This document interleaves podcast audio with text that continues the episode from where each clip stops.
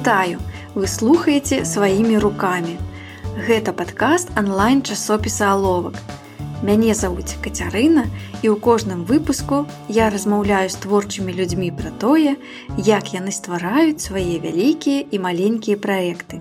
Мяне цікавіць, з якімі цяжкасцямі сутыкаюцца маладыя і вопытныя творцы, як яны здолелі ператварыць хобі ў працу, наколькі рэальна зарабляць на жыццё выключна творчасцю. Давайте ж пачынаць.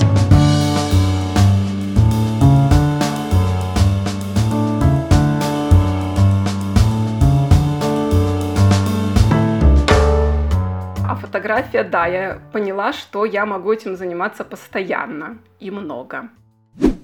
Фотограф должен не просто вот клепать эти фотографии, а должен делать так, чтобы ему тоже нравилось. В то, что я выбрала это дело, и это мое дело, у меня сомнений не было. А может, я никчемности бездарь? Может, все надо бросить? То есть можно работать больше и зарабатывать, соответственно, больше. Вы у меня с уловком прям моя отдушина такая.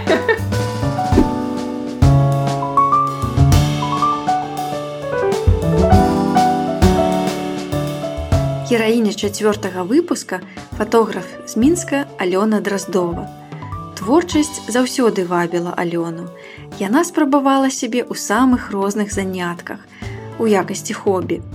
І толькі, калі выпадкова трапіла на курс па фатаграфіі, зразумела, што знайшла справу, якой магла б займацца ўвесь час.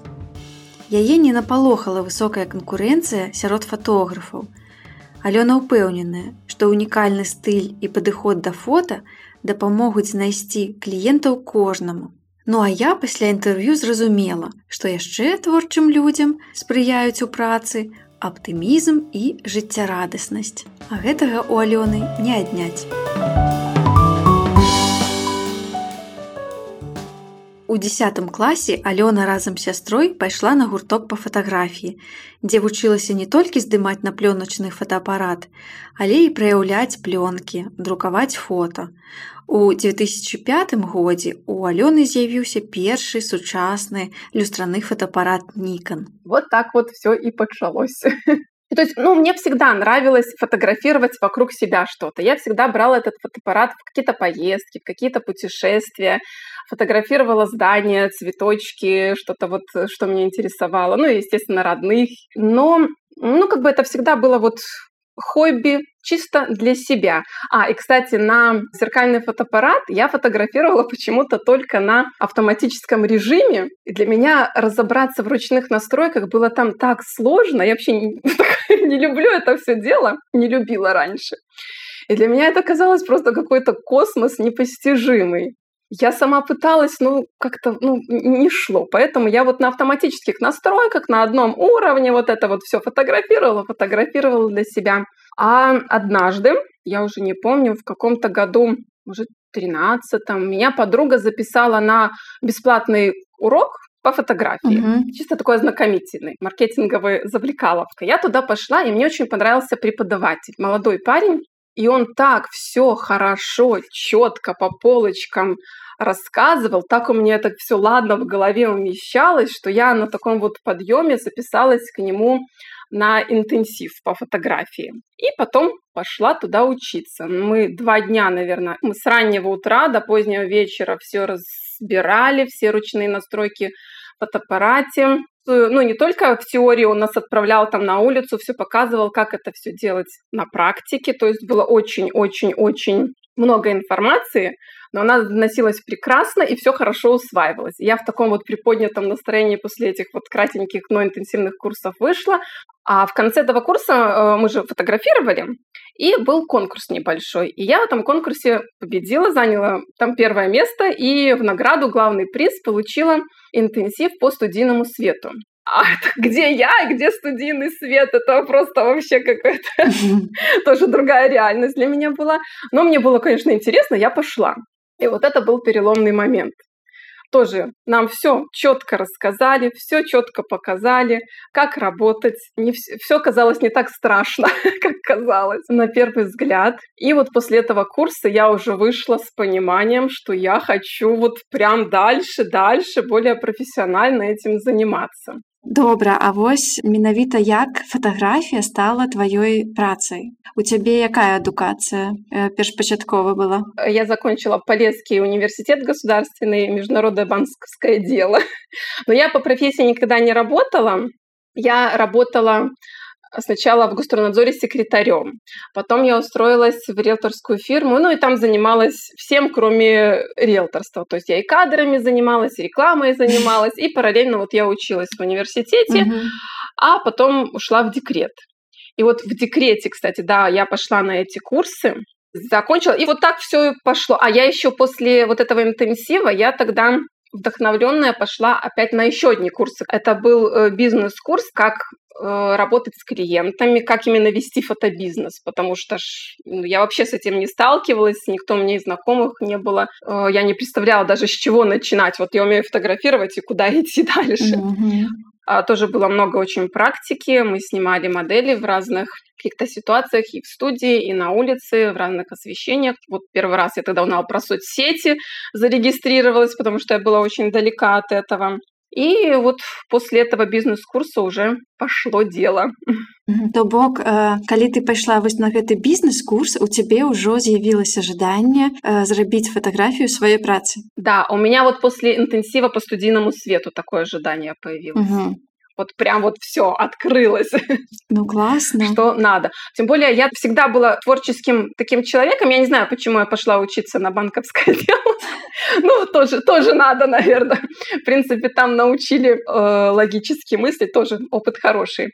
Но мне всегда хотелось заниматься чем-то творческим. Я и вышивала, и лепила, и валяла. Но все время, вот когда я представляла, что это я буду делать не для себя, а вот именно на поток, мне казалось, нет, я не выдержу это, что как-то не пойдет все-таки. Мне надо чуть-чуть этого, чуть-чуть того, ну, как-то вот только для себя. А фотография, да, я поняла, что я могу этим заниматься постоянно и много. На згаданых курсах вучоба Алёны не толькі не скончылася, але і працягваецца па сёння. Я еще училась э, после этого уже, правда, в другой школе на портретную съемку. И потом уже появилось в интернете, кстати, очень много информации, много бесплатных разных курсов, каких-то марафонов. Э, много фотографов начала рассказывать э, какие-то тонкости своей работы. Тоннами я поглощала эту тоже информацию, обучалась. И да, потом еще я э, ходила на курс стилистики Кирине Аваряскиной. Я же портретной съемкой занимаюсь, и подобрать образ – это одна из главных задач для хорошей фотографии. И я всегда клиентам помогала подбирать одежду, подбирать аксессуары, но все это было на таком интуитивном уровне. А Ирина вот именно вложила в меня познания такие теоретические, что это не просто что-то эфемерное такое, а что в стилистике все четко, свои законы, свои параметры, и, в принципе, вот очень удобно этим пользоваться теперь. Вось нехта паслухае, хто можа хоча стаць фотографам, даведаецца колькі курсаў ты наведала і спужаецца вось як ты лічыш сапраўды абавязкова вось настолькі моцна пагружацца у сферу, якую збіраешься займацца і вучыцца і вучыцца ну і пастаянна вучыцца. Конечно, как и в любой, в принципе, сфере, я не считаю, что ты закончил университет или курсы вот один раз, и все, ты можешь всю жизнь работать. Жизнь такая, а тем более творческие профессии такие, что надо постоянно-постоянно развиваться. И вот, кстати, насчет фотографов, их сейчас очень-очень много, угу. и, в принципе, очень много потом уходит из профессии там через полгода, через год, потому что это на самом деле не так легко, как кажется помимо того, что надо обучаться, вкладывать в себя, в обучение, в технику, э, так еще это подразумевает постоянную коммуникацию, общение с людьми, очень разными людьми, с разными абсолютно характерами, со своими какими-то тараканами.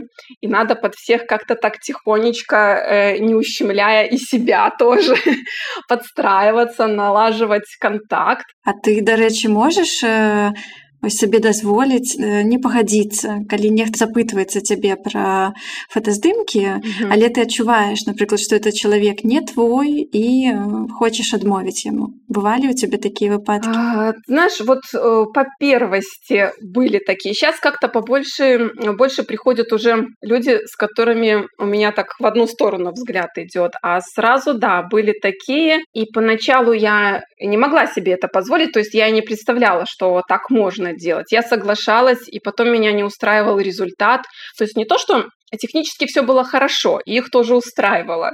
Но я понимала, что это не мое. А все-таки, опять же, вот фотография, по крайней мере, я считаю, что фотограф должен не просто вот клепать эти фотографии, а должен делать так, чтобы ему тоже нравилось, и не только клиенту. Тогда он больше будет отдавать себя, своего умения, своей души, так сказать, потому что дело это надо к этому делу подходить обязательно с душой. Вот, а сейчас как бы в период переговоров каких-то уже можно выявить, это твой человек или не твой. И, в принципе, я же не то, что отказываю, что нет, я не буду вас фотографировать, а просто мягко мы решаем, подходим друг к другу или не подходим друг к другу. Угу. Тем более люди смотрят мое портфолио, видят примерно уже в каком стиле я фотографирую, если это их устраивает, тогда они соглашаются. Угу. А вось глядзі пра пачатак яшчэ калі ты ўжо пачала менавіта займацца фатаграфіяй як сваёй працы угу. у тебе быў перыяд калі напрыклад ты бясплатна фотографавала ну конечно во-первых первое портфолио мне вот помогли сделать фотошкола а, за так, что тоже большое спасибо угу. что не просто мне самой где-то надо да было а там были симпатичные девушки модели симпатичными нарядами Э, то есть уже такие более-менее приличные снимки были. Вот. И потом, естественно, заказов еще не так много, и я искала кого-то бесплатно пофотографировать. Но это не просто, что мне люди писали, я хочу вас бесплатно сфотографировать, а я сама искала нужного мне человека. Сейчас, а, наверное, тоже есть. Э, раньше ВКонтакте было очень много таких групп, где на взаимовыгодных условиях фотограф стыковался с моделью, искались визажисты, кто-то там угу. еще парикмахер, и так они совместно работали. Конечно, набирать надо, и опыта надо набираться, тем более, когда мало опыта, а, как-то несправедливо тренироваться на платных клиентах. А если хочется что-то новое попробовать, то надо искать себе модель бесплатную, да. Фатографы звычайна абіраюць нейкую нішу і стараюцца ўжо ў ёй працаваць. Сямейная здымка, вясельная, здымка немаўлят і гэтак далей. Не адразу, але выбрала сабе такую нішу і Алёна. Ну, э, поначалу, конечно, сложно определиться, когда ты не, при, не понимаешь специфик, работы в определенной нише. И, ну, и мне нравилось все, в принципе, фотографировать. Я фотографировала и девушек, и парней, и детей, и семьи. Ну, только единственное, я вот свадьбе, вот это мимо меня прошло. И потом как-то уже в какой-то период я поняла, что женский портрет у меня выходит на первый план. Как-то у меня больше получалось видеть картинку, больше душа лежала к этому, больше я удовлетворения получала вот и от процесса, и от результата. Угу. Поэтому вот у меня на первое место вышел женский портрет. А у тебя у профиле, у Инстаграме написано контент. Угу. Да, да. Фотограф, угу. так? Да, с прошлого года, наверное, вот еще я начала заниматься и контент-фотосессией. Но там, кстати, тоже больше девушки обращаются, поэтому это такое вот смежное контент и женское фото. И тоже мне очень понравилось в этом направлении работать, потому что такие замечательные люди, профессионалы, встречаются с таким классным продуктом, классными услугами. То есть очень вдохновляют они. А ты памятаешь свою первую коммерцийную уже сдымку? Очень хорошо помню, да. Так? Я был такой сайт «Праздник Бай». Вот, и я там разместила рекламу, что могу вот пофотографировать. И ко мне обратилась девушка, она хотела семейную фотосессию. Я, естественно, очень сильно волновалась. Мы заказали студию с искусственным студийным светом очень-очень было волнительно, что все прошло гладко, потому что, ну, помимо того, что фотограф должен регулировать хорошо настройки фотоаппарата, а в начале пути это кажется тоже очень сложно по ходу все это менять, чтобы нигде не засветить, там в тени не уйти, но надо еще контролировать и тысячу других вопросов. Например, поправлять ту же одежду у модели, чтобы нигде ничего не закасалось, не завалить горизонт, на композицию смотреть, чтобы никакого мусора лишнего в кадр не попал, то есть лишних предметов, а другие хорошие, нужные предметы, чтобы ты не обрезал случайно. И как пригожа вот. выглядала при этом яшчэ. Да, да, да, чтобы при этом никто не моргнул, особенно когда семейная съемка, там несколько людей, и обязательно кто-нибудь или моргнет, или что-нибудь еще такое сделает. Вот, поэтому волновалась. Но в итоге все прошло хорошо Фотографиями все остались довольны, я в том числе, и это тоже как-то вот вдохновило, что да, можно дальше идти и предлагать себя на этом рынке. Ну это цудоўна калі першы вопыт такі станоўчы і адразу ну не трэба змагацца з сабой і ўсё адбываецца само сабой А вось э, ўсё ж такі за твой ну такі ўжо даволі доўгі колькі ты ўжо займаешься фатаграфіяй як працай лет 7 наверное Угу. Вось за гэты час былі калі-нибудь у цябе ці незадаволеныя засталіся кліенты ці ну ты можа незадаволеная сама была і як ты з гэтым справлялася а, ну вот то, что я незадоволенная была, это, э, как я говорила в начале, было, когда у нас не совпадало а, мнение в каком-то стиле фотографии. Мне просто не нравилась в итоге одежда, а, прическа, макияж, с которой пришли. Ну, я потом уже решила этот вопрос, что тут надо мне, конкретно мне, четко контролировать ситуацию, не пускать это дело на самотек. А так, чтобы кому-то не нравилось, таких вот историй, может, пару раз было, но не то, что там фотографии не понравились, а было из-за какой-то недоговоренности в чем-то. То есть я поняла так, мы делали вот, вот так, вот как я поняла, а оказалось, что человек имел в виду что-то другое угу. вот в этих вопросах. С опытом вот тоже пришло, что надо все четко прописывать, все нюансы, рассказывать, как будет, что будет и что мы получаем в итоге чтобы не было вот таких вот недомолвок каких-то, угу. что каждый себе что-то додумал. За новую працу брацца заўжды цікава, хапае і імпэту і энергіі. Але хапае ў навічкоў і страхаў.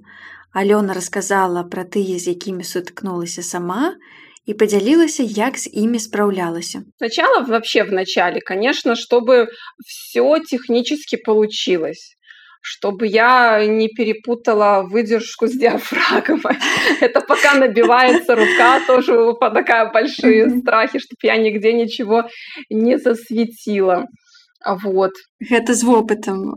Да, да, проходит. с опытом. То есть были такой, ну, опять же, вот как я рассказывала, во время фотосессии очень-очень много нюансов надо держать в голове. И вот были страхи, что я что-то могу упустить важное, и потом пожалею об этом, что вот я там не досмотрела, у человека там волосы неправильно лежали, или одежда где-то складкой легла не так, или опять же я не перевела нужные настройки, не посмотрела на свет. Вот такие были страхи. Сейчас таких страхов уже, конечно, нету, но сейчас я, между прочим, тоже волнуюсь все равно перед каждой съемкой. Нету такого, что я иду налегке, там, а, все будет хорошо. Ну, как бы я знаю, что все будет хорошо, но я волнуюсь уже не по поводу вот этих вот технических а, моментов, я волнуюсь, чтобы с человеком я нашла общие вот точки соприкосновения, чтобы у нас была одна волна, чтобы я смогла для человека э, фотосессию провести в очень комфортных условиях. То есть мне очень важно, чтобы человек расслабился, чтобы он меня принял, ну, лично вот мне кажется, что очень важно не только получить конечный вот этот результат фотографии, но и чтобы остались очень положительные эмоции от самого процесса. Угу. А были некие страхи, но раб не атрымаецца, раптам не будзе кліентаў, а раптам не смогу протягнуть. В то, что я выбрала это дело, и это мое дело, у меня сомнений не было. Конечно, э, как у каждого человека, который чем-то таким занимается, были периодические сомнения, что все ли я правильно делаю, все ли у меня хорошо получается, действительно ли людям нравится, а может я никчемности бездарь. Может, все надо бросить. Но как-то я это всегда гнала от себя, вот шла вперед, училась, училась, делала. Ну и тем более, когда получаешь отзывы хорошие, это очень вдохновляет, очень поднимает, опять же, и самооценку, и как-то понимаешь, что все-таки не зря, не зря ты этим занимаешься. Особенно, когда девушки пишут, что увидят фотографии, что «Ой, правда, я что такая? На самом деле, а вроде ничего такая, все, буду тебя больше любить, больше ценить». Ну, как бы это важно, мне кажется. Ну и надо, а, конечно же, всегда анализировать то, что ты делаешь, сравнивать с какими-то своими предыдущими работами. И когда ты видишь разницу, поднимает эта самооценку, что ты видишь, что ты все-таки не стоишь на месте, ну и, по крайней мере, не скатываешься куда-то. Ну, класс. Что все-таки идешь вперед. Як аднесліся твои близкие до твоего занятку нового? Ты знаешь, хорошо отнеслись. Я, конечно, думаю, что вначале никто не ожидал и не думал, что это выльется во что-то серьезное. Ну, увлекается, пусть увлекается человек в декрете. Вот. Но все mm-hmm. меня поддерживали. То есть никогда никто, ни муж, ни родители, ни сестра, никто никогда не говорил, что э, там что-нибудь такого демотивирующего. То есть от них только вот положительные эмоции. Вместе со мной радуются, если я что-то такое показываю. Угу. Это вельми важно. Да, да, это очень-очень важно, потому что, опять же, вот как люди творческие в себе сомневаются постоянно, если еще будут и родные говорить, что что-то угу. ты за ерундой занимаешься, что ж это за профессия. Ці ёсць увогуле нейкія складанасці вось у твоей працы? Ну вот лично для меня сложность она и была, и остается, это то, что люди сейчас, вот даже в любой профессии, не только в профессии фотограф, они еще должны заниматься маркетингом. То есть они так, и при том хорошо заниматься постоянно. И это заним, отнимает столько времени, столько сил, и как-то иногда вот mm-hmm. прямо опускаются руки вот из-за этого, что ты постоянно должен что-то постить, что-то за кем-то следить, что-то писать. Это да, вот это сложность большая. Так, тому что конкуренция великая сярод фотографов. Да, да, да. Все это вот в соцсетях мелькает, мелькает, мелькает. Должен как-то зацепить людей и всегда вот в таком тонусе себя должен держать. Угу. А коли мы уже про это маркетинг, просовывание заговорили, а як, якими инструментами ты користаешься? Як просовываешь э, себе? Ну, меня в основном это вот Инстаграм, Фейсбук, и mm-hmm. сарафанное радио. То есть, опять же, по клиентам я поняла, что вот целевая моя аудитория именно в Фейсбуке и в Инстаграме. На сёння фатаграфія адзіная праца Алёны. У тым, што яна прыносіць вялікае маральнае задавальненне маёй гераіні, я не сумняваюся. Але мне цікава, ці дастаткова такі занятак можа забяспечваць фінансава. Ну вот я честно скажу, я сейчас работаю не на полную мощь, не на полную катушку, потому что, ну, как-то не в ущерб семье. То есть можно работать больше и зарабатывать, соответственно, mm-hmm. больше. Ну вот пока такой период, другие приоритеты, поэтому если бы я жила прям одна-одна, то, ну, вот с такой загруженностью я бы не смогла себя обеспечить. Угу. Ну, как, как бы есть куда двигаться, можно чуть-чуть поднажать, угу. если что. Калі параўнаць вось са стаўкамі там чалавек працуе на поўную стаўку на палову стаўкі вось ты на, на, на, на якую стаўку працуеш сама на себе Ой, ну все очень так по-разному всегда, зависит от количества съемок, от э, срочности съемок. То есть иногда я могу и по 8 часов сидеть, обрабатывать фотографии. Иногда я могу в день только соцсетями заниматься, там какой-нибудь пост разместить, сторис снимать. Вот. Еще очень сложно, знаешь, подсчитать, сколько уходит времени на именно подготовительную работу, на общение с клиентом. Но точно времени уходит очень-очень и очень много. Вот это тоже работа, она как бы не видна, э, и я времени не засекаю, но она отнимает приличный кусок дня. А вось у цябе ёсць адчуванне, што твая праца дастаткова ацэньваецца. Ну ты атрымліваецца сама э, сваю працу ацаніла, устанавіла кошты. Угу. Ты задаволеная гэтымі коштамі? Ну, э, знаешь, наверное, я так, так такой себе коммерсант. В принципе, как мне уже многие говорят, можно уже и повышать. Но тут то кризис, то пандемия, то еще что-то. И мне все время кажется, что, наверное, не время. Ну, как бы в целом у меня там не заниженная стоимость, но можно уже и повысить. Угу. А як ты увогуле формировала кошт? У тебя были некие складанности, на что ты глядела? Да, особенно в начале вообще ж неизвестно как, что, и вообще, наверное, я ничего не стою, кажется. Я смотрела, сколько берут вот вот опять же какие-то фотографы-новички, примерно вот снимающие в таком вот русле, как я. Ну, а потом постепенно-постепенно поднимала до уровня уже более профессиональных фотографов. Угу. А вось канкурэнцыя глядзі увогуле фатографаў вельмі шмат у Беларусі там у мінску это так а менавіта ў тваёй нішы Да, тоже, тоже достаточно много, но как-то все равно у каждого находится свой клиент.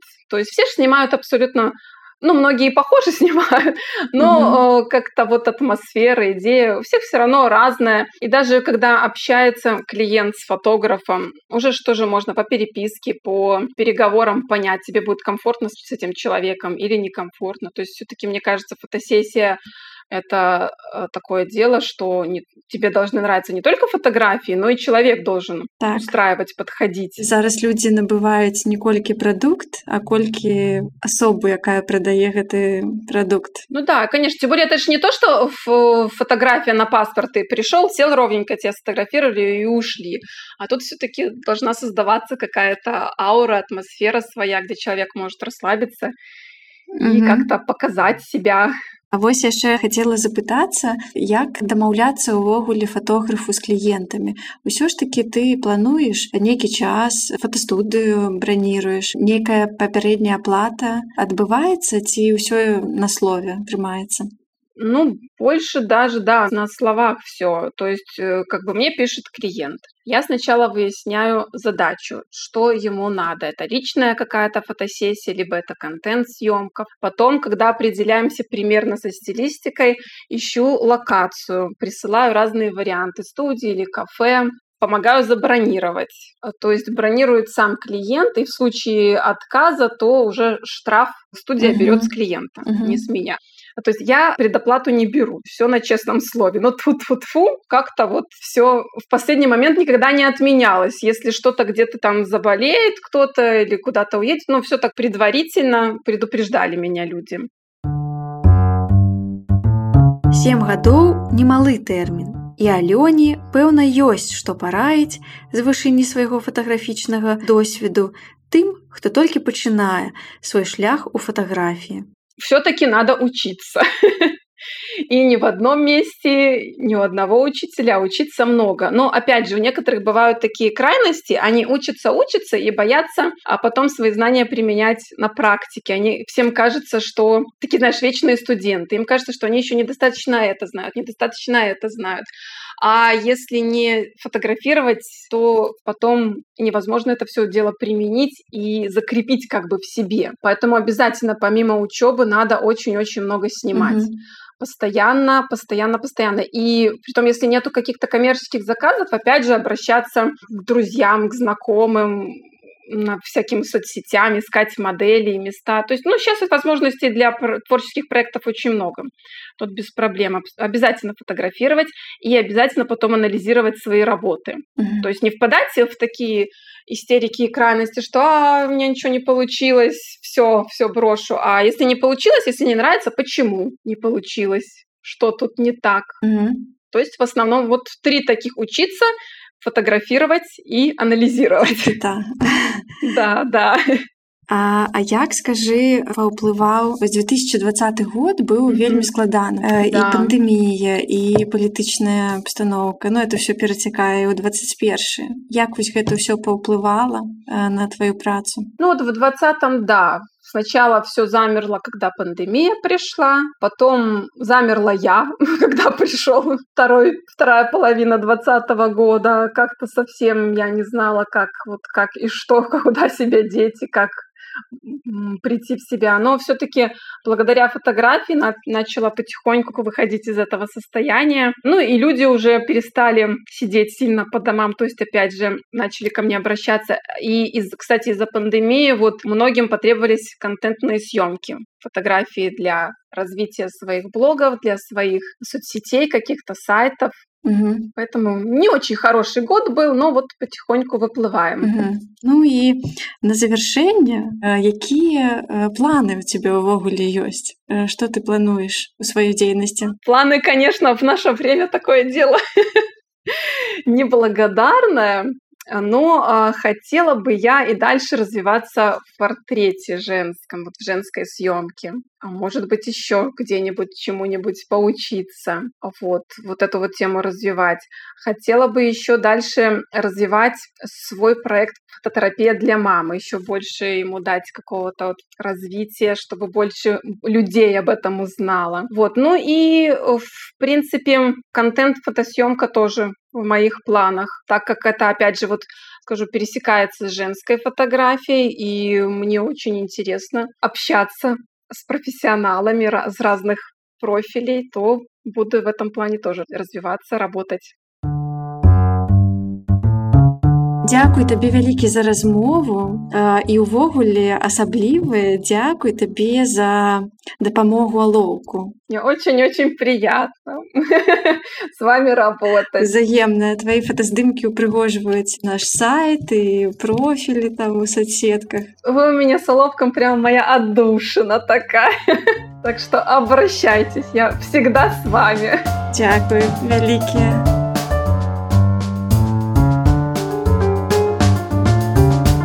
Гэта быў чацвёрты выпуск падкаста сваімі рукамі. У апісанні выпуска вы знойдзеце спасылку на профілі нашай гераіні ў садсетках, а таксама на фатографа Ганну кіпель, якая спецыяльна для падкаста зрабіла такія прыгожыя фотаздымкі Алёны. Дзякую усім, хто слухаў гэты выпуск. Калі вам ён спадабаўся, я буду вельмі ўдзячная за вашы каментары, водгукі і добрыя адзнакі. Гэта дапаможа нам развівацца далей і знайсці новых слухачоў. А калі вам адгукаецца тэма падкаста, подписывайтеся на сваімі рукамі у любой мабільнай праграме, з дапамогай якой вы яго слухаеце, каб не прапусціць новыя выпускі.